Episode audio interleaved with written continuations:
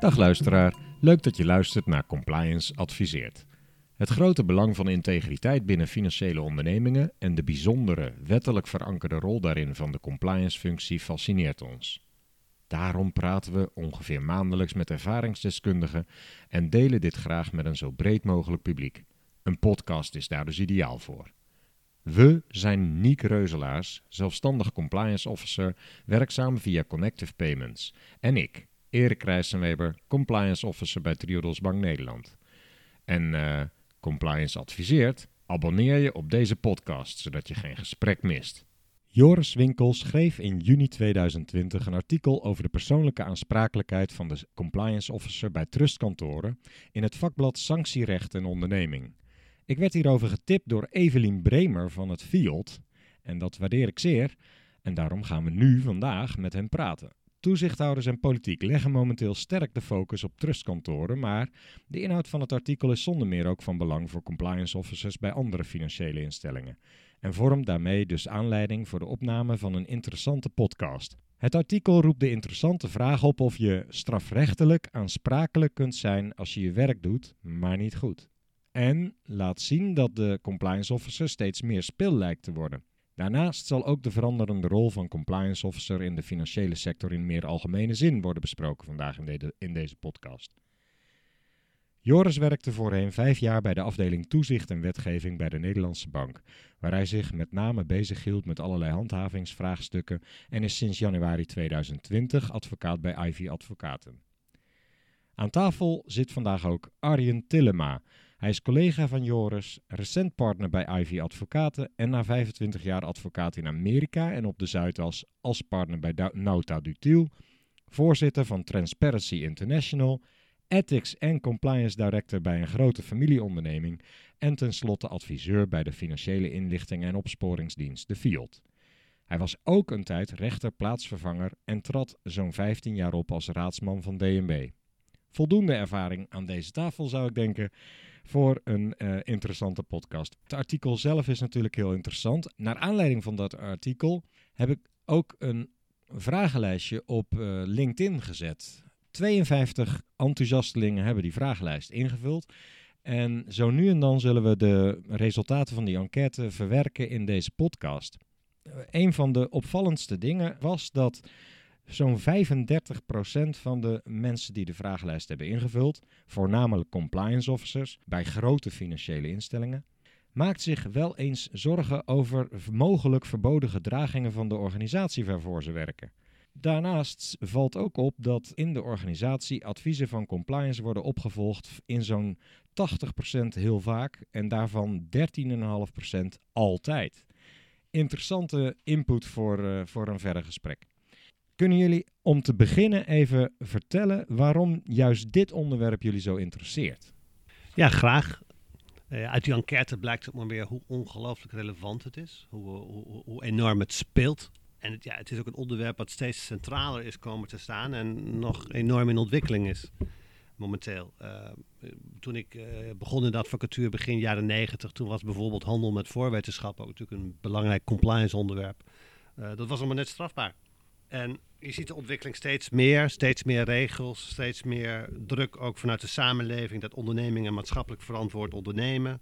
En ook steeds meer roep om handhaving van die regels. Maar ja, wie, wie, wie moet je nu beboeten als het misgaat? En uh, wanneer moet dat een natuurlijk persoon uh, zijn? Uh, en wanneer moet het de compliance officer zijn die inderdaad wel een steeds centralere rol krijgt? Nou, dat zijn ongelooflijk boeiende vragen, dat interesseert me het leuke is, ja, tot nu toe in mijn loopbaan ben ik in, vaak in posities geweest waarin ik daar ook nog iets van heb mogen vinden. Dus uh, hele goede, hele goed onderwerp voor dit podcast, denk ik. Ja, ik, ik, ik sluit me daar eigenlijk uh, graag uh, bij aan. Nu aan het woord is Joris. Ja, wat je ziet denk ik is dat, dat de afgelopen periode de, de regelgeving in de financiële sector echt enorm is toegenomen. En er ook wel echt een toenemende druk is op ondernemingen om zich ook dat werk aan die regels te houden. Om dus compliant te zijn. En als het niet lukt, dat dan uh, of andere sancties volgen. Ik denk een, een, duidelijk en goed voorbeeld hiervan is echt de, de anti-money laundering uh, regelgeving. Die ook de laatste jaren veel meer in ontwikkeling is en ook echt meer op wordt toegezien, meer wordt gehandhaafd, speerpunt is van de overheid, et cetera. En wat ik nou zo interessant vind aan die compliance officer, is dat hij zich eigenlijk midden in dat krachtenveld begeeft. Uh, en je ziet dat zowel de regelgever als ook echt de toezichthouders in deze steeds meer focussen op die compliance officer als tool en als instrument en eigenlijk ook als waarborg om ervoor te zorgen dat ondernemingen zich aan de regels houden. En met name waar ook die, het artikel zich op focust, trustkantoren, daar zie je dat krachtenveld nog eens extra goed. Waarom bij trustkantoren specifiek dan? Bij trustkantoren echt opvalt is dat uh, ja, de afgelopen jaren is er echt een toenemende uh, focus op de trustsector uh, en, uh, en ook echt op de type dienstverlening van de trustsector. Waar je toch wel ziet enerzijds dat er een soort verschuiving is in de moraal van wat vinden we nou van die dienstverlening. en anderzijds ook dat met schandalen als de Panama Papers en ook diverse keren dat de toezichthouder eigenlijk een appel doet aan de sector van jongens, kom op, jullie moeten harder je best doen om aan de regels te voldoen. En dat in ieder geval volgens de toezichthouder en ook de wetgever dat, dat uitblijft. Uh, met als het uiteindelijk gevolg dat die regelgeving verscherpt. En in het bijzonder ook aandacht voor die compliance officer. Een van de uh, verscherpte regels is bijvoorbeeld dat de compliance officer niet meer extern mag worden belegd. Uh, dus daar zie je echt wel die, die, die stevige focus op die compliance officer. En dat maakt denk ik nou, ik denk dat het een interessant thema is voor de gehele financiële sector. Mm. Maar bij de trustsector zie je dat eigenlijk het meest nadrukkelijk spelen, op dit moment althans. Kunnen jullie toelichten welke eisen worden gesteld aan de compliance officer dan? Welke wetgever of toezichthouder zegt daar iets over? Nou, wat, wat, denk ik goed is om te zeggen is dat uh, als je kijkt naar, naar de regelgeving, die focust zich met name op de compliance functie. En de compliance functie is eigenlijk omschreven als een organisatieonderdeel van dus de financiële onderneming, dat als taak heeft om te controleren of dat de instelling wettelijke regels en interne regels naleeft. Nou, ik denk de, in de praktijk zal het breder zijn dan SEC controleren. Een compliance officer zal zich ook bezighouden met awareness, uh, gedrag en cultuur, dat soort zaken. Maar dit is in ieder geval de wettelijke omschrijving. En uh, de compliance functie die maakt echt onderdeel uit van het Three Lines of Defense model. Dat zijn eigenlijk drie verdedigingslinies, waarbij de compliance functie een, een tweede lijnsfunctie heeft. En eigenlijk de business de primaire functie en dus ook primair uh, verantwoordelijk is voor de naleving van wet en regelgeving. Ja, ik denk dat het ook een belangrijk punt uh, is om vast te houden voor het vervolg. Hè. Het is dus inderdaad, uh, de compliance officer is in beginsel niet de beslisser, maar is de adviseur. En het is eigenlijk de commerciële beslissing die wordt genomen door de beleidsbepalers. Door, mm. dat, dat, zijn de eindverantwoordelijken voor, voor, voor, voor, voor de onderwerpen waarover geadviseerd wordt. Ja, en, en, de compliance functie dient onafhankelijk en effectief te zijn. Onafhankelijk betekent in deze eigenlijk dat de slager niet zijn eigen vlees keurt. Dus compliance officer mag niet zelf taken verrichten waarvoor eigenlijk eerste lijnstaken waarvoor hij zelf toezicht uh, vervolgens houdt en vice versa.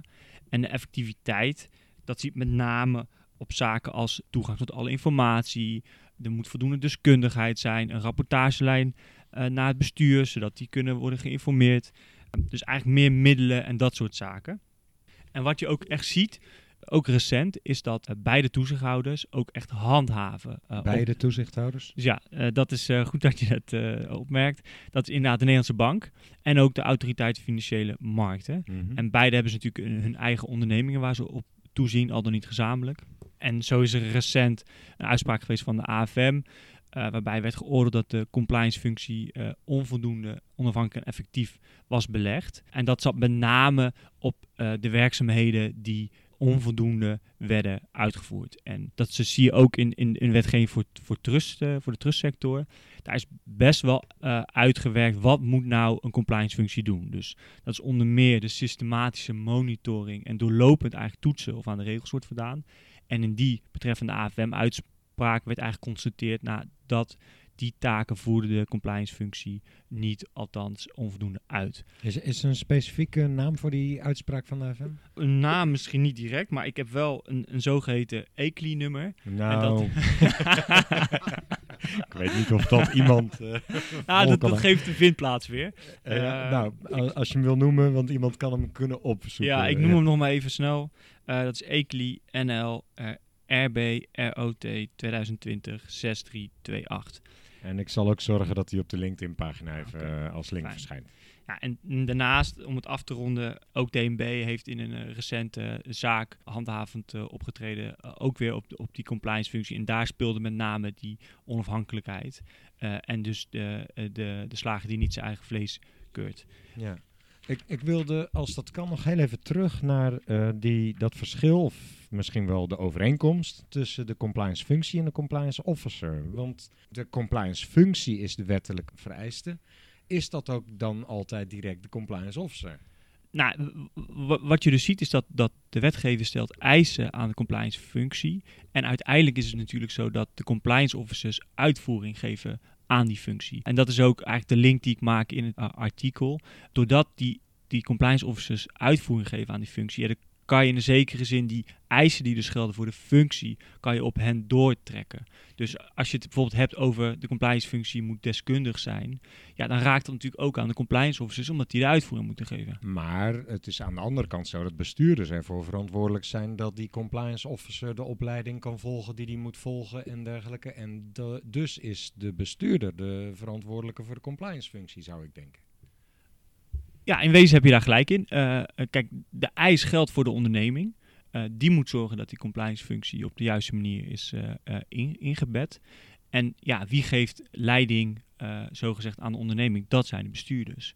Dus die zullen ook het eerste, op voorhand is het meest logisch dat zij het eerste aanspreekpunt zullen zijn op het moment dat ja, die compli- compliance functie niet goed of niet voldoende is ingebed. Ja. ja, dus ook daar ligt wel een soort eh, gedeelde aansprakelijkheid, verantwoordelijkheid, denk ik.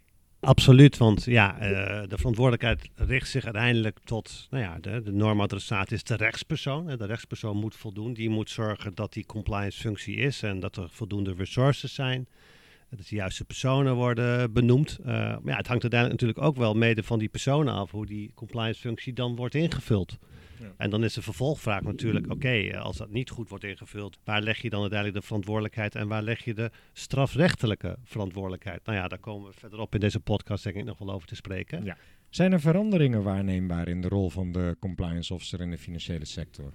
Ja, ik denk het wel. Ook als je weer even terugkijkt naar ja, de laatste twintig jaar, dan zie je dat in de regelgeving, eh Joris stipt het ook al eventjes aan, steeds meer aandacht is gekomen voor risicobeheersing.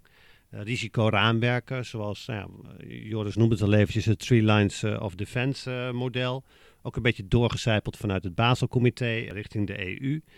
En ja, wat je ook kan constateren is dat de financiële crisis uit 2008 en de jaren daarna ja, hebben meegebracht dat er steeds meer regels zijn bijgekomen. Dat die ook steeds complexer zijn geworden. Het is eigenlijk gewoon een vak apart geworden om erop, om erop toe te zien. Twintig jaar geleden begon het een beetje, maar het is nu echt gewoon een vakgebied op zichzelf geworden. En eh, pardon, bedoel je voor de toezichthouder om erop toe te zien of voor de compliance officer? Nee, in de intern, financiële- intern- ja, ja, beide eigenlijk. Maar goed, Ja, ja. intern binnen de onderneming, om te zorgen dat je compliant bent, eh, heb je echt mensen nodig die zich daar ook specifiek mee bezighouden. Ja. Eh, nogmaals, in de second line of defense, hè, daar zit de compliance officer. Het is Hmm. uiteindelijk, dat kunnen we niet genoeg zeggen, het is uiteindelijk wel de first line of defense, hè, de business die verantwoordelijk is voor daadwerkelijk compliant zijn. Mhm. Dat is niet uiteindelijk de verantwoordelijkheid van de compliance officer. Ja. Je moet dat op toezien. Je moet een systeem opzetten dat dat beter borgt. Je moet eh, een analyse doen. Je moet risicoanalyses doen. Je moet adviseren. Eh, maar uiteindelijk, ja, de commerciële beslissingen die worden gemaakt door de business. En ja, daar moet de compliance met de regelgeving uiteindelijk plaatsvinden. Ja, want dan kunnen we denk ik stellen dat in de huidige situatie de strafbaarstelling al ligt bij de eerste lijn. En jullie, het artikel waar we het nu over hebben, gaat juist over, komt de compliance officer wat dat betreft ook steeds meer onder vuur te liggen? Zo. Nou ja, misschien moet je het zo zeggen. Kijk, de strafbaarstelling is zoals die is. Welke persoon is uiteindelijk verantwoordelijk voor het plegen van strafbare feiten? Ja, dan is het over het algemeen eh, makkelijker om te zeggen: oké, dat is de rechtspersoon, want bepaalde dingen zijn niet goed gegaan. Maar kan ook de individuen die zich bezighouden met de compliance-functie daarvoor verantwoordelijk worden gesteld? dat is de centrale vraag. Ja. Ja. En ja, wat je ook ziet, eh, maar goed, dat heeft eh, Joris ook al enigszins aangestipt. eh, steeds meer ja, remedial action, steeds meer strafzaken ook. Handhaving komt steeds meer in beeld.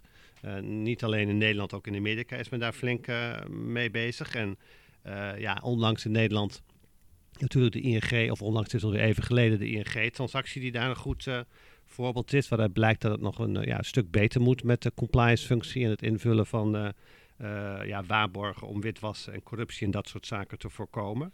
En ook dat geeft aan dat de rol van de compliance officer ja, steeds belangrijker wordt. En niet alleen in de financiële sector, ook daarbuiten. Want de ontwikkeling is in de financiële sector denk ik al wel een jaar of, uh, of, of twintig en misschien zelfs al wel langer gaande.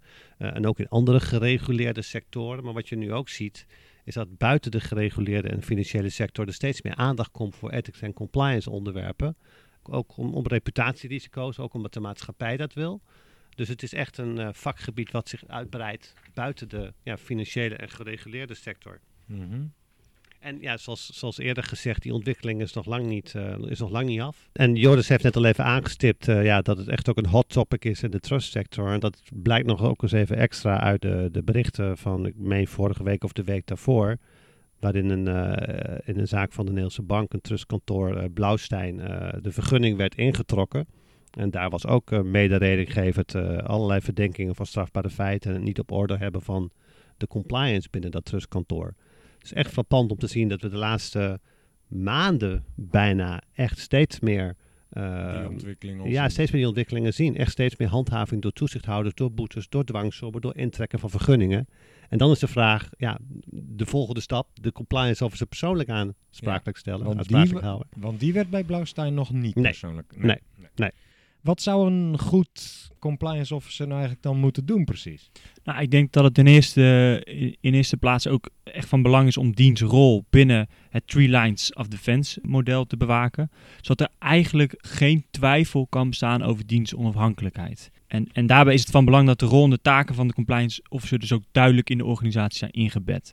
Het helpt ook echt als duidelijk is wanneer en waarvoor wordt die compliance officer nou ingeschakeld. En tegelijkertijd moet er ook voldoende ruimte zijn om nauwgezet samen te werken met die business. Uh, dus om ook te adviseren, vroegtijdig te zijn, uh, te worden betrokken bij afwegingen, integriteitsrisico's, etc. En daar zit dus wel of kan enige mate van spanning uh, ontstaan. Dus enerzijds die onafhankelijkheid en tegelijkertijd dat nauwgezet samenwerken. En ten tweede is denk ik, en dat is ook een beetje in het verlengde van wat ik net al zei, is de communicatie met de business is echt heel erg belangrijk. Uh, zorg ervoor dat je als compliance officer vroegtijdig wordt betrokken uh, bij de afwegingen uh, omtrent integriteitsrisico's, zodat ook op tijd kan worden bijgestuurd. In plaats van dat je alleen nog eigenlijk aan het einde van de afweging je, ja, het stopbord kan, omhoog kan houden. Ja, en ik denk dat, dat de compliance officer die zijn werk goed doet daarmee dus eigenlijk zowel adviseur is als procesbewaker.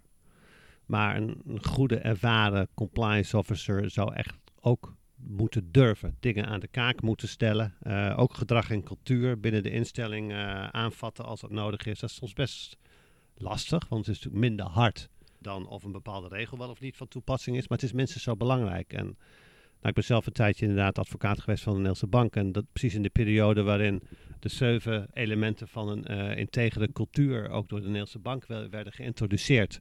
En dat vind ik altijd nog, ja, altijd nog een hele goede lijst eigenlijk. Dat van, is het cultuurhuis. Dat, ja, over ja, ja. ja, ja hè, dus, dat, dus dat je de belangen goed afweegt bij de beslissing. Dat je consistent handelt. Dat je uh, binnen de organisatie ook dingen bespreekbaar uh, maakt. Voorbeeldgedrag natuurlijk, bekende. Tonen de top, maar niet alleen de top. Hè, ook, ook, ook, ook bij middelmanagement.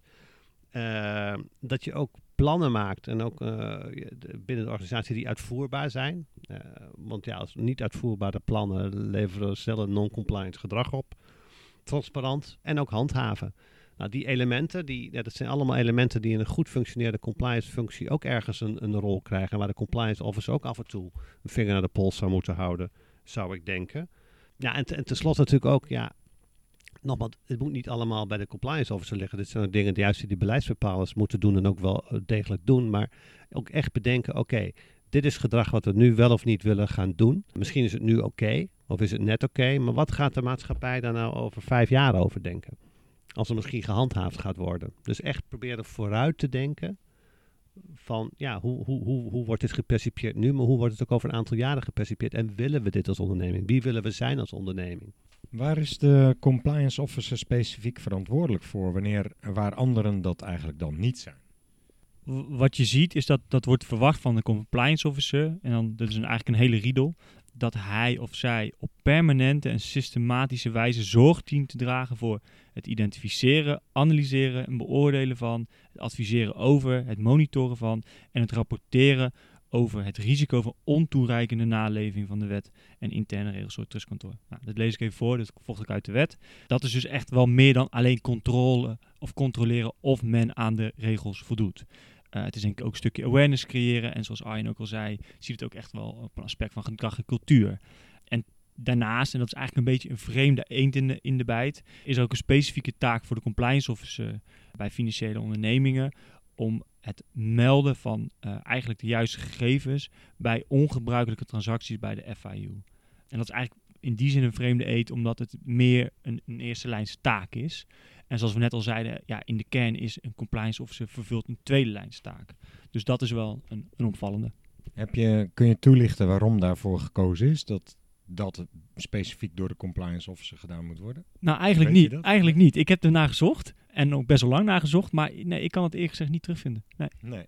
Nee, dat is wel inderdaad een interessante. En denk je dat het ook onder verantwoordelijkheid van de compliance officer toch door de eerste lijn gedaan zou kunnen worden?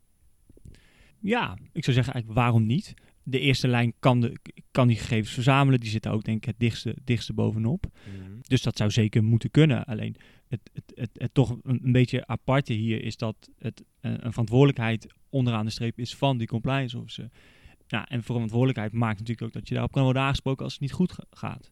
Is er verschil in verantwoordelijkheden tussen een compliance officer en een team van andere compliance officers met een leidinggevende op het vlak van compliance, vergeleken met een kleinere financiële instelling waar slechts één functionaris verantwoordelijk is voor compliance? Nou, ik, ik, ik denk bij een, een groter team heb je nou eenmaal meer compliance officers. Die kunnen hun eigen specialisme hebben.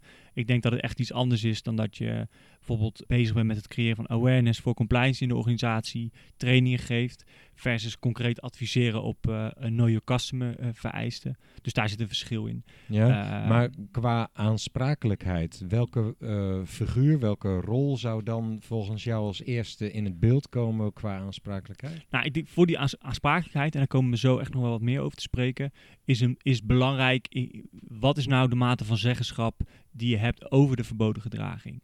En op het moment dat jij een leidinggevende functie vervult, of uh, een eenmansbedrijfje bent binnen onderneming, ja, dan is de kans op voorhand groter dat jij zeggenschap hebt op die gedraging. Ja, dus dan zal het in een team met een hoofd compliance eerder het hoofd compliance zijn dan bijvoorbeeld de specialist in het team die op dat vlak in beginsel zeker, maar uiteindelijk, en dat kunnen we denk ik ook niet genoeg benadrukken, het zal steeds een feitelijke beoordeling zijn. Dus ook als jij een compliance officer bent in een laag onderdeel uitmaken van een team, dan kan jij een dusdanige feitelijke betrokkenheid hebben bij verboden gedragingen die er mogelijk toe leidt dat je strafrechtelijk aansprakelijk wordt gehouden. Maar ook dan kan je een onderscheid maken tussen één, haal je die juridische lat? En twee, ja, is het nou opportun om een persoon te vervolgens CQ te bestraffen? Ja. Uh, Joris, hoe ben je eigenlijk precies te werk gegaan bij je analyse van de risico's op strafbaarstelling van de compliance officer? En wat was de aanleiding van het artikel precies? Nou, ik denk het goed is om te zeggen dat dit onderwerp is in Nederland echt wel relatief nieuw. Er zijn geen concrete casus waarbij compliance officers zijn bestraft. Althans, wij hebben ze niet kunnen vinden. Overzees wel, maar, maar ja, daar, ook daar gaan we nog over spreken. Wat ik eigenlijk heb gedaan is eerst is het juridisch kader inzichtelijk maken. Dus welke vereisten uh, gelden nou voor de compliance officer altijd niet over de band via hè, wat geldt voor een compliance functie. Uh, en dat geeft eigenlijk wel weer binnen welke context zo'n compliance officer opereert. En mijn afdronken is denk ik niet geheel verrassend. Eigenlijk is het gewoon een sterk gejuridiseerde context. En, dat, en dat maakt wel dat, dat, dat daar ook rekening mee moet worden gehouden. Uh, dus dat is stap 1. Stap 2 is van als je het hebt over persoonlijke aansprakelijkheid, welke zogeheten deelnemingsvormen komen nou in zicht? Dat zijn eigenlijk ja, strafrechtelijke typologieën over welke band je aansprakelijk kan worden gesteld. Je kan bijvoorbeeld een overtreder zijn, een pleger van een overtreding, maar ook een medepleger. En een andere vorm daarvan is een feitelijk leidinggevende. Dus je kan feitelijk leiding geven aan een verboden gedraging van een onderneming. En daar heb je eigenlijk verschillende varianten van. Ik sla het even plat, maar van meer actief leiding geven naar meer passief. Ik denk dat de meer passieve vorm uh, de meest interessante in deze is. En dat wil eigenlijk zeggen, was je nou bevoegd en gehouden om te voorkomen dat die overtreding is begaan, dan wel die overtreding te beëindigen. Uh, Dus, dus dat, is eigenlijk stap 2, het juridische kader. Ik heb trouwens niet alleen gekeken naar feit leidinggevende, maar ook het, het medeplegen. En dat ziet echt op de bewuste en nauwe samenwerking met de overtreder. En stap 3 is dan eigenlijk een analyse van onder welke omstandigheden wordt nou de juridische lat gehaald. Dus met andere woorden, wanneer kan een compliance officer worden aangemerkt als feitelijk leidinggever of als medepleger? En daar heb ik een, een aantal voorbeelden voor uitgewerkt, althans uh, om iets van kleuring te geven van wanneer dat nou aan de, aan de orde zou kunnen zijn. Uh, en de laatste stap, dus stap Kun, kun je daarvoor misschien al een voorbeeld geven ook? Ja, zeker. Een van de verplichtingen voor een financiële onderneming of een trustkantoor is het melden van ongebruikte transacties. Dat is denk ik een kernverplichting. En dat kan natuurlijk zo zijn dat ten onrechte bepaalde transacties niet worden gemeld. En wat je vaak ziet bij financiële ondernemingen is dat ze overlegstructuren hebben waarin ze bespreken, waarin ze integriteitsrisico's bespreken. Bijvoorbeeld is iets een ongebruikte transactie en moet dat worden gemeld. En als de betreffende compliance officer daar feitelijk beslist, dus aangeeft om het simpel te maken, nou dit is geen ongebruikte transactie, die hoeft niet wo te worden gemeld en dat is fout. En uiteindelijk wordt de onderneming daarover uh, daarop aangesproken, ja, dan komt, kan de vraag in beeld komen, ja, maar wat is nou die betrokkenheid van die compliance officer en in hoeverre kunnen we hem daar verantwoordelijk voor houden? Dus ja, dat is een voorbeeld. Mm. Nou zien we in de enquête die we gehouden hebben dat uh, zo'n 80% uh, zegt dat de adviezen van compliance heel vaak en daarvan 13,5% altijd opgevolgd worden. Zitten die mensen in de gevarenzone? Die conclusie op basis daarvan is denk ik, die zou ik niet durven uh, trekken. Het zal echt steeds afhangen van de feitelijke invloed. En nou, want eigenlijk zijn ze dan misschien wel feitelijk leidinggevend. Als de leidinggevende uh, partijen gewoon klakkeloos zeg maar, adviezen overnemen, wie, ja, maar... wie, wie, neemt dan de beslissingen in de organisatie? Hoe kijkt de toezichthouder of de, of de OM daarnaar, denk je? Ik, ik denk echt dat, dat daarbij wordt specifiek naar die beslissing inderdaad wordt gekeken van wie heeft die beslissing genomen en wat kan nou de invloed zijn van de compliance officer. En heeft hij daar feitelijk beslist? Ze worden kritische vragen gesteld. Of is uiteindelijk, wordt de uh, compliance officer als adviseur gehoord en volgens een beslissing genomen door de betreffende bestuurder of de business? In dit verband zijn we op zoek naar juist die situatie waarbij de leidinggevenden in de eerste lijn klakkeloos het advies van compliance overnemen. Worden ze dan nog gezien als beslissers of is dat dan compliance? Klakkeloos overnemen, uh, dat, dat impliceert niet direct dat zij beslissend zijn. Het kan ook zijn, zijn dat, er, dat men denkt, nou, er ligt een goed advies, uh, hup, nemen we over. Ja. Uh, maar ik denk wel, op het moment dat blijkt dat een compliance officer telkemaal adviseert en er geen kritische vragen worden gesteld, of althans er daaruit blijkt dat hij feitelijk nogal wat invloed uitoefent uh, op die beslissingen, dat wel uh, de vraag terecht is van in hoeverre komt er nou het, het feitelijk zeggenschap over die gedragingen ja. uh, uitoefenen. Ik vind toch wel dat adviseur wel iets anders blijft dan feitelijk beslissen. Dus je moet echt wel een situatie hebben waarin feitelijk de compliance officer ja, volledig aan de knoppen zit.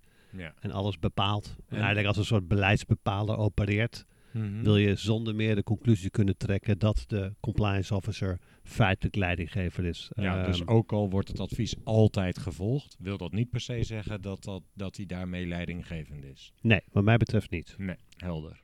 Ja, misschien om het af te maken dan, de laatste stap. Dus ja. als je zegt inderdaad, uh, de juridische lat wordt gehaald, uh, dan is nog wel de vervolgvraag, maar in hoeverre vindt een toezichthouder of het Openbaar Ministerie het nou echt opportun om over te gaan tot bestraffing dan wel vervolging? En dat zou ook een belangrijke afweging zijn in het concrete geval. En op welke wet gebaseerd en door welke instanties zou de compliance officer dan bestraft kunnen worden? En op, om welke straffen gaat het dan? Door de toezichthouders echt via de bestuursrechtelijke uh, route. Dat kan dan uitmonden in een bestuurlijke boete. Dat is eigenlijk de enige vorm van bestraffing die kan plaatsvinden. Uh, wel kunnen ook andere maatregelen worden opgelegd, maar dat zijn dan geen bestraffende maatregelen. Ik denk het ook nog wel goed om op te wijzen dat bijna in elke financiële wetgeving tegenwoordig zijn ook de mogelijkheden of, of zelfs de, in beginsel de verplichting om uh, sancties te publiceren. Wat natuurlijk ook nogal impact heeft op mensen en bedrijven. En in de strafrechtelijke component is het echt de strafrechter die uiteindelijk de straf bepaalt. Zij dat het Openbaar Ministerie wel ook transacties en strafbeschikkingen kan aangaan met een verdachte springt voor de strafrechter, ja, die, bespreekt, die beschikt echt over een brede palet aan bestraffende maatregelen. Van gevangenisstraf tot echt een geldboete. Ja, en tot slot, uiteindelijk kan iemand maar één keer worden bestraft. Dat is wel een, een wezenlijk beginsel ook in het uh, strafrecht. Ja, misschien goed om daar nog even, want je hebt het terecht, Joris, over uh, punitief handhaven. Maar ja, non-compliant gedrag en ook de betrokkenheid van de compliance officer daarbij kan natuurlijk ook tot andere consequenties leiden. Bijvoorbeeld doordat er een negatief betrouwbaarheidsoordeel zou worden geveld door de toezichthouder over die compliance officer als hij in een toetsbare functie zit. Dus het beleidsbepaler zijn. Of in het tweede echelon zitten eh, bij een bank of verzekeraar. Eh, dat zijn ook toetsbare functies. Wordt getoetst door DNB en of de AFM. Ja. En dat kan ook aan je deskundigheid raken uiteindelijk. Als je een potje maakt, kort gezegd, van, uh, van je compliance functie. Mm Ehm, dus het zijn dan niet punitieve maatregelen, maar het zijn wel maatregelen die er behoorlijk in kunnen hakken uh, voor de betrokkenen. En nou ja, ook nog even te noemen zijn, alhoewel ze strikt genomen buiten nou ja, het onderwerp van deze podcast uh, vallen. Als een compliance officer bewust meewerkt aan of bijvoorbeeld klanten helpt bij het witwassen, dan lijkt het mij vanzelfsprekend dat hier sprake is van strafbaar gedrag. Maar kan een compliance officer ook nog op een andere manier strafbaar gesteld worden die minder voor de hand liggend is. Je hebt net al gezegd uh, bijvoorbeeld uh, dat er iets gebeurt zonder dat je daarvan je bewust bent. Kan dat ook strafbaar gesteld worden, denk je? Ik denk dat er zijn een, een aantal scenario's denkbaar waarbij die, de mogelijke strafrechtelijke aansprakelijkheid van zo'n compliance officer een, een, een risico kan zijn. Uh, en dat zal denk ik steeds opzien in zijn algemeenheid bij de afwegingen die worden gemaakt om integriteitsrisico's en de feitelijke rol die de compliance officer dan heeft. En het wordt denk ik pas interessant op het moment dat er natuurlijk verkeerde beslissingen worden uh, genomen, wat leidt tot, tot overtredingen. En dan wordt eigenlijk min of meer gereconstrueerd van wiens betrokkenheid speelde daarbij, wie kunnen er verwijten worden gemaakt. En als het dan zo is dat de compliance officer daar nadrukkelijk naar voren komt, dan komt dus dat risico van strafrechtelijke aansprakelijkheid naar voren. En ik noemde net al een voorbeeld hè, bij het melden van ongebruikte transacties. En zo zijn er denk ik meer voorbeelden denkbaar. Een ander voorbeeld is denk ik op het moment dat er beleid wordt vastgesteld. En daar heeft de compliance officer wederom een belangrijke invloed. Bijvoorbeeld hij stelt dat beleid op. Uh, is er nou bij betrokken. Vervolgens zal een bestuurder of iemand uit de eerste lijn daar een stempel onder zetten. Maar als blijkt dat beleid leidt tot wetsovertredingen, dan kan wel weer worden gekeken: hé, hey, maar wat was nou die betrokkenheid van de compliance officer? En in hoeverre is het zijn verantwoordelijkheid dat, dat er nu sprake uh, is van verkeerd beleid met alle gevolgen van dien? Ja. Dus ja, nogmaals, er zijn echt scenario's uh, denkbaar waarbij die juridische lat kan worden gehaald. Ja, en, en hier komt het dan echt ook bij het, ja, het gedeelte waar het echt interessant wordt, want het raakt ook aan de kern uh, van hoe ver strafrechtelijke aansprakelijkheid moet raken. Iedereen maakt fouten. Als je naar een kapper gaat, kun je een goede kapper treffen of een goede of een slechte kapper. Uh, je, kunt, je hebt goede en slechte advocaten. Maar ook een goede kapper kan een fout maken. En ook een goede kapper kan een fout maken. Exact, exact. Ja. Dus wanneer, hè, wanneer moet iets strafbaar zijn? Kijk, ja. enkel uh, ja, een keer niet goed knippen of gebrekkig functioneren van een compliance officer, dat dat dan meteen zou moeten leiden tot strafrechtelijke aansprakelijkheid van zo'n persoon omdat er dingen doorheen gaan die er niet doorheen hadden gemoeten. Ja, dat gaat wel, uh, gaat wel ver. Ik denk dat er wel een persoonlijk te maken strafrechtelijk relevant verwijt moet zijn aan de en dan, en dan moet het ook bijna bewust strafbaar gedrag vertonen zijn, lijkt mij. Of dat, dat, dat is sowieso... Nou ja, dat is, dan, dat is dan de vraag. Ik geloof we zo nog even over Amerika gaan, gaan, gaan spreken. En mm. daar, uh, ja, daar is bijvoorbeeld uh, een van de criteria die gehanteerd wordt. Ik geloof door de SEC of door handhavers daar. Heeft de, als er een wholesale failure is van de compliance functie. Dus over de hele bank, over de hele breedte ja, doet de compliance functie gewoon niet. Doet de compliance officer of het hoofd van de compliance niet waarvoor ze ingericht zijn. Dat kun je haast niet opzettelijk doen. ja. dat, dat doe je haast wel opzettelijk. Nou ja, in zo'n situatie zou je dan inderdaad strafrechtelijk aansprakelijk kunnen zijn. En wat als de compliance officer aantoont dat hij zij geen wetenschap had van de strafbare gedragingen? Is er dan toch een risico op strafbaarheid? Nou, simpel gezegd is, is wetenschap is echt een vereiste om, om, om strafbaarheid te kunnen aannemen. Wel kan het zo zijn dat kennis van vergelijkbare gedragingen als de verboden gedraging waar het om gaat, kan volstaan om echt wetenschap aan te nemen. En wat, wat denk ik interessant is aan de rol van de compliance officer in deze, ja, die wordt natuurlijk geacht om, om op de hoogte te zijn van integriteitsrisico's. Sterker nog, op het moment dat uh, overtredingen of anderszins uh, malversaties of tekortkomingen spelen, dan moet die daarover worden ingelicht. Dus aannemelijk is dat een compliance officer snelle wetenschap zal hebben van dat soort gedragingen dan andere personen. Maar is het ook verstandig voor een compliance officer om dus ook aan te kunnen tonen dat je je best hebt gedaan om je vinger achter eh, strafbare gedragingen te krijgen? Want je, is het, ik kan me ook voorstellen dat een compliance officer aansprakelijk gesteld kan worden op het moment dat hij gewoon totaal geen moeite heeft gedaan om zich te laten informeren. Dat is een, zeker een interessante vraag van, van hoe ver ga- gaat nou je rol? Alleen, ja, kijk, een compliance officer zit er ook om, om onderzoek te doen naar het moment dat eh, regels niet worden nageleefd. En sterker nog, vervolgens over te rapporteren aan het bestuur. En te adviseren over maatregelen die kunnen worden genomen. Dan zal het in de eerste plaats de verantwoordelijkheid zijn van het bestuur om dan vervolgens die maatregelen te nemen. Dus dat zou normaal gesproken de taak zijn van de compliance officer. Maar op het moment dat de compliance officer signalen krijgt en waar die volgens niks mee doet, ja, dan kan je een compliance officer natuurlijk een verwijt maken van Ja. hé, hey, jij wordt nou juist getracht om op Mhm. te treden. Volgens mij ontstaat er al een redelijk beeld over waar, het, eh, waar de compliance officer de mist in kan gaan. Ehm, ik zit heel even nog te kijken naar onze resultaten van de enquête. Hebben we nog iets wat we hier kunnen gebruiken? Ehm, ja, wat, wat, wat mij wel ook boeit, ik weet niet of we daar nog straks een vraag over hebben eigenlijk zo uit mijn hoofd. Wordt in jouw organisatie in notulen van besprekingen waarin beslissingen worden genomen over weging en acceptatie van integriteitsrisico's, bijvoorbeeld ten aanzien van het aannemen van klanten, vastgelegd wat het advies was van compliance? Daar blijkt dat bijna 8% van de geënquêteerden, van de 52, ge- dus zoiets niet vastlegt in de notulen. Denk je dat het verstandig is of om, eh, om dit te doen, niet vastleggen? Of zou je advies zijn, zorg dat je duidelijk maakt wat de rol van compliance is geweest op zulke momenten?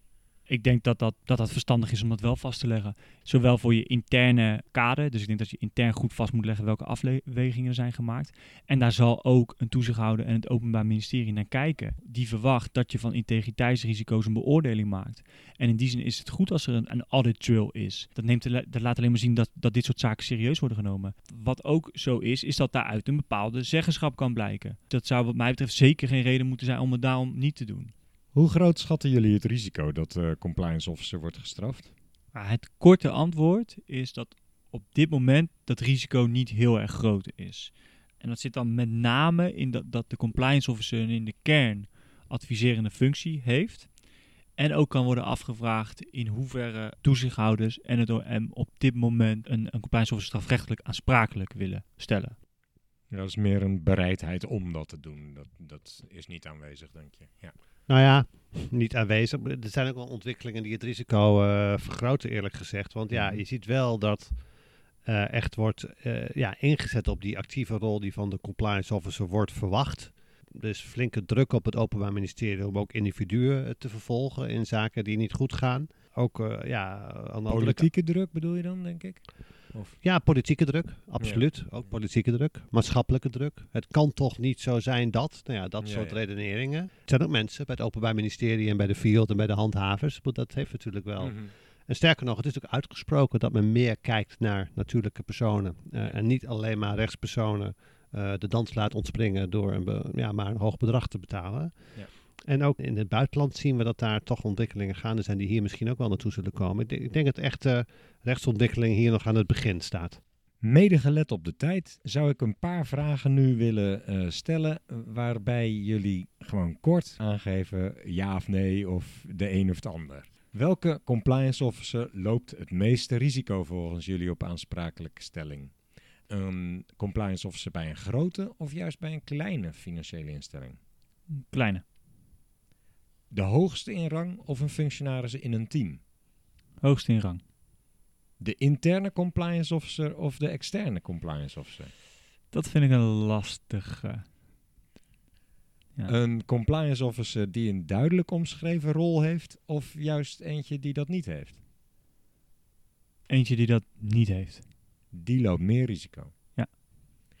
Ah, we zien in de enquête dat eigenlijk in bijna alle gevallen voor degene die zelf de enquête heeft ingevuld, de rol redelijk duidelijk is. Wat wel opvalt is dat men in 80% van de gevallen de verantwoordelijkheid ligt bij de combinatie van de eerste en tweede lijn. En dat vind ik dan toch, vraag ik me dan af, is dat wel duidelijk genoeg? Maar dat even terzijde.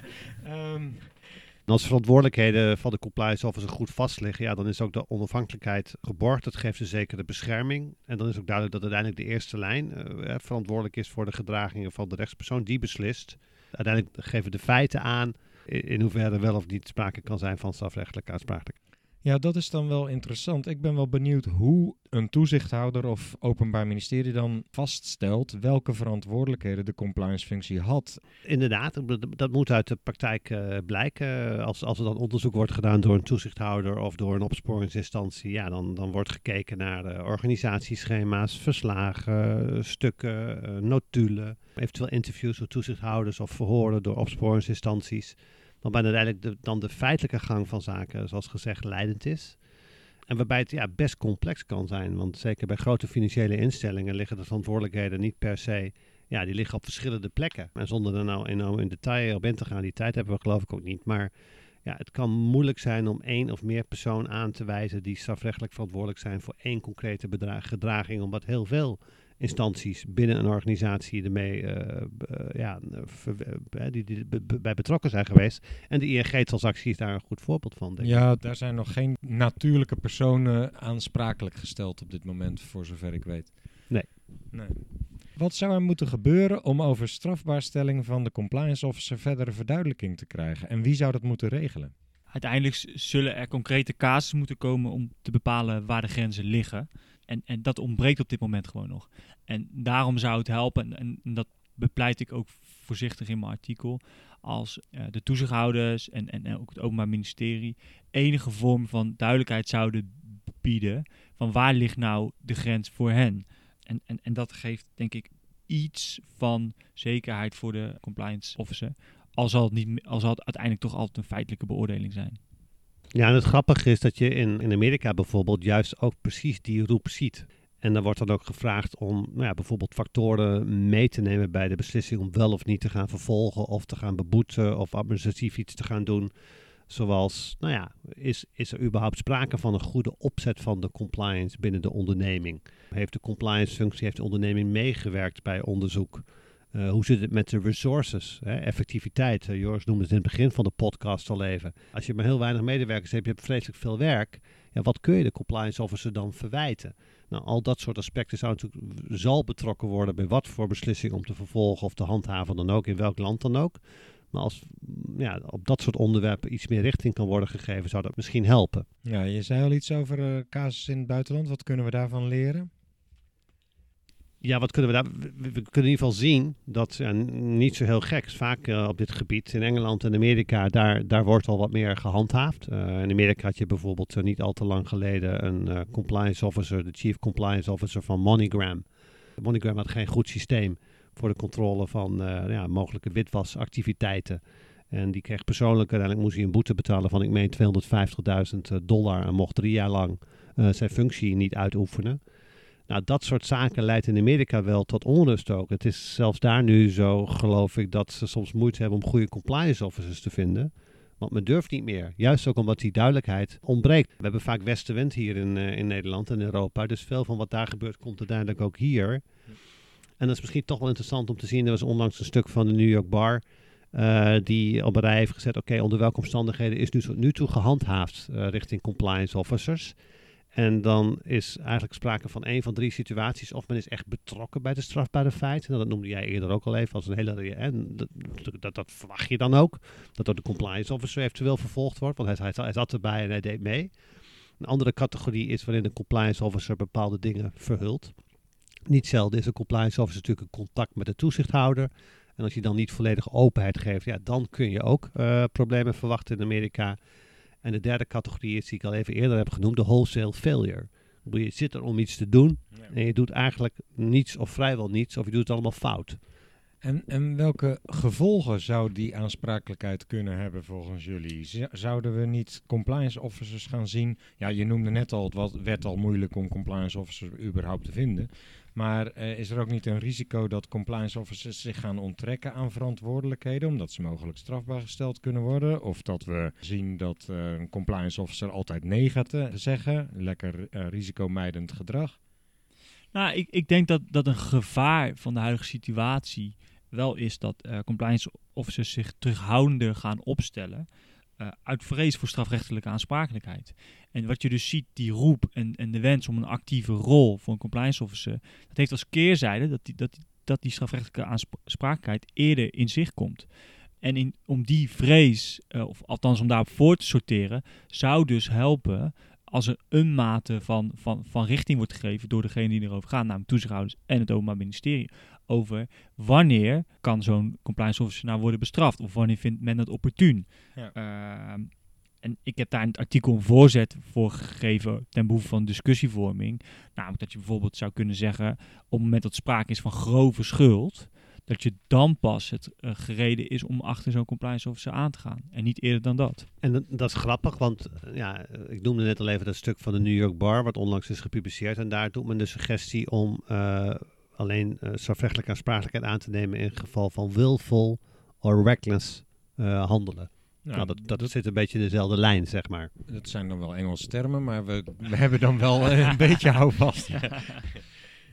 De compliance officer wordt betaald door de onderneming. Uiteindelijk wil iedereen de baas tevreden houden. Je kan dus als compliance officer moeilijk voldoen, want dan doe je je werk niet goed. Ja, maar je moet, je moet niet de baas tevreden willen houden. Je moet vooral je werk goed doen, diligent doen en daarmee de werkgever. En dat is de onderneming dienen. Dat geldt voor externe denk ik niet wezenlijk anders, alhoewel die misschien de hiërarchie uh, minder zullen voelen. Maar als je in een lastige situatie zit, zal ik maar zeggen, als compliance officer, is dan het laatste redmiddel ontslag nemen? Als je ontslag neemt, dan ben je niet meer verantwoordelijk voor wat dan ook. En je kan je natuurlijk situaties voorstellen waarin de compliance officer dat misschien beter doet. Want als hij steeds A adviseert en men gaat vervolgens voor B en er is een risico van strafrechtelijke uh, aansprakelijkheid voor de onderneming. Ja, die kan je afvragen van in hoeverre voel je dan nog comfortabel op je, om op je plek te blijven zitten. Maar dat, dat aanblijven SEC voor de compliance officers strafrechtelijke aansprakelijk, aansprakelijkheid meebrengt, nou, daarvan ben ik niet overtuigd. En overigens, ook als je omslag neemt, dan is het niet zo dat je daarmee niet meer strafrechtelijk aansprakelijk kan worden gesteld voor verboden gedragingen die zijn begaan. Maar ik kan me wel voorstellen dat het je enigszins beschermt, omdat je aantoont: ik wil hier gewoon echt niks mee te maken hebben. Nee, zo zou je het kunnen uitleggen dat, dat het eigenlijk de meest verstrekkende manier is om afstand te nemen van ja, het betreffende integriteitsrisico of whatsoever. Ja. ja, want we zien uit de enquête dat 10% wel eens om die reden ontslag heeft genomen. Als ik dan nog eens de 10% die, die dat wel eens heeft overwogen erbij optelt, dan, uh, dan hebben we het over best wel een serieuze hoeveelheid compliance officers die in zo'n situatie terechtkomen kennelijk. En hoe ik dat moet duiden weet ik niet precies. Misschien kunnen jullie er iets over zeggen. In de organisatie worden wel in 80% van de gevallen zo'n beetje de adviezen van compliance opgevolgd. Dan neem je geen ontslag meer, denk ik. Het gaat dus echt om die, net die 20% waar de adviezen niet worden opgevolgd. waar de compliance ja. officer zich ook niet kostenang bij voelt. Precies, precies. En, en, en, en, ik vind het best een hoog aantal, eerlijk gezegd. Ja, dat, dat, dat de ultieme consequentie heeft getrokken of, uh, of er serieus aan denkt. Nou, ik hoop dat de luisteraars die deze podcast horen, in ieder geval met deze duiding door jullie geholpen is in waar moet ik nou aan denken, waar moet ik op letten. En dat brengt ons eigenlijk ook op uh, de laatste vraag, aanhakend op de titel van deze podcast. Wat is jullie belangrijkste advies voor de luisteraars? Ja, ja, misschien een beetje gratuit, maar doe je werk gewoon goed. Betrek anderen bij twijfel. Snap de business ook goed. Creëer heldere kaders voor je eigen werk en, en het compliance werk dat uh, anderen moeten doen. En ja, houd je rug vooral recht als het nodig is. En, en buig het wat als het kan. Maar niet op andere momenten. En Joris? Ja, ik heb zelf ook uh, op een juridische afdeling uh, gewerkt. En dat, dat ja, ook wel echt kenmerken van een tweede lijnsfunctie. En ik heb daar wel geleerd dat echt ja, communicatie, goede communicatie met de business is echt wezenlijk. En ook gezamenlijk optrekken. Zodat waar, waar mogelijk dat je echt vroegtijdig kan bijsturen. En dat je dus eigenlijk echt als partners opereert. En soms is het inderdaad standvastig nee verkopen met als hoger doel dat de onderneming, ja, dat eigenlijk wordt voorkomen dat er sprake is van non-compliance. Ja, en een collega, als wij daar wel eens over klaagden onderling, die zei dan tegen mij, nou, het is ook wel een beetje de schoonheid van zo'n tweede lijnsfunctie, dat je nou af en toe nou eenmaal op de rem moet trappen, met als dat hogere doel, uh, ja, als uh, bepalend daarvoor. Hartelijk dank voor al deze informatie, voor de medewerking aan deze podcast. Ik heb ervan genoten. Ik wens jullie veel succes voor de toekomst. En voor de luisteraars zou ik nog willen zeggen: abonneer je op de podcast in je favoriete podcast-app. Volg de LinkedIn-pagina van Compliance Adviseert. Dan mis je geen enkele podcast. En graag tot de volgende keer.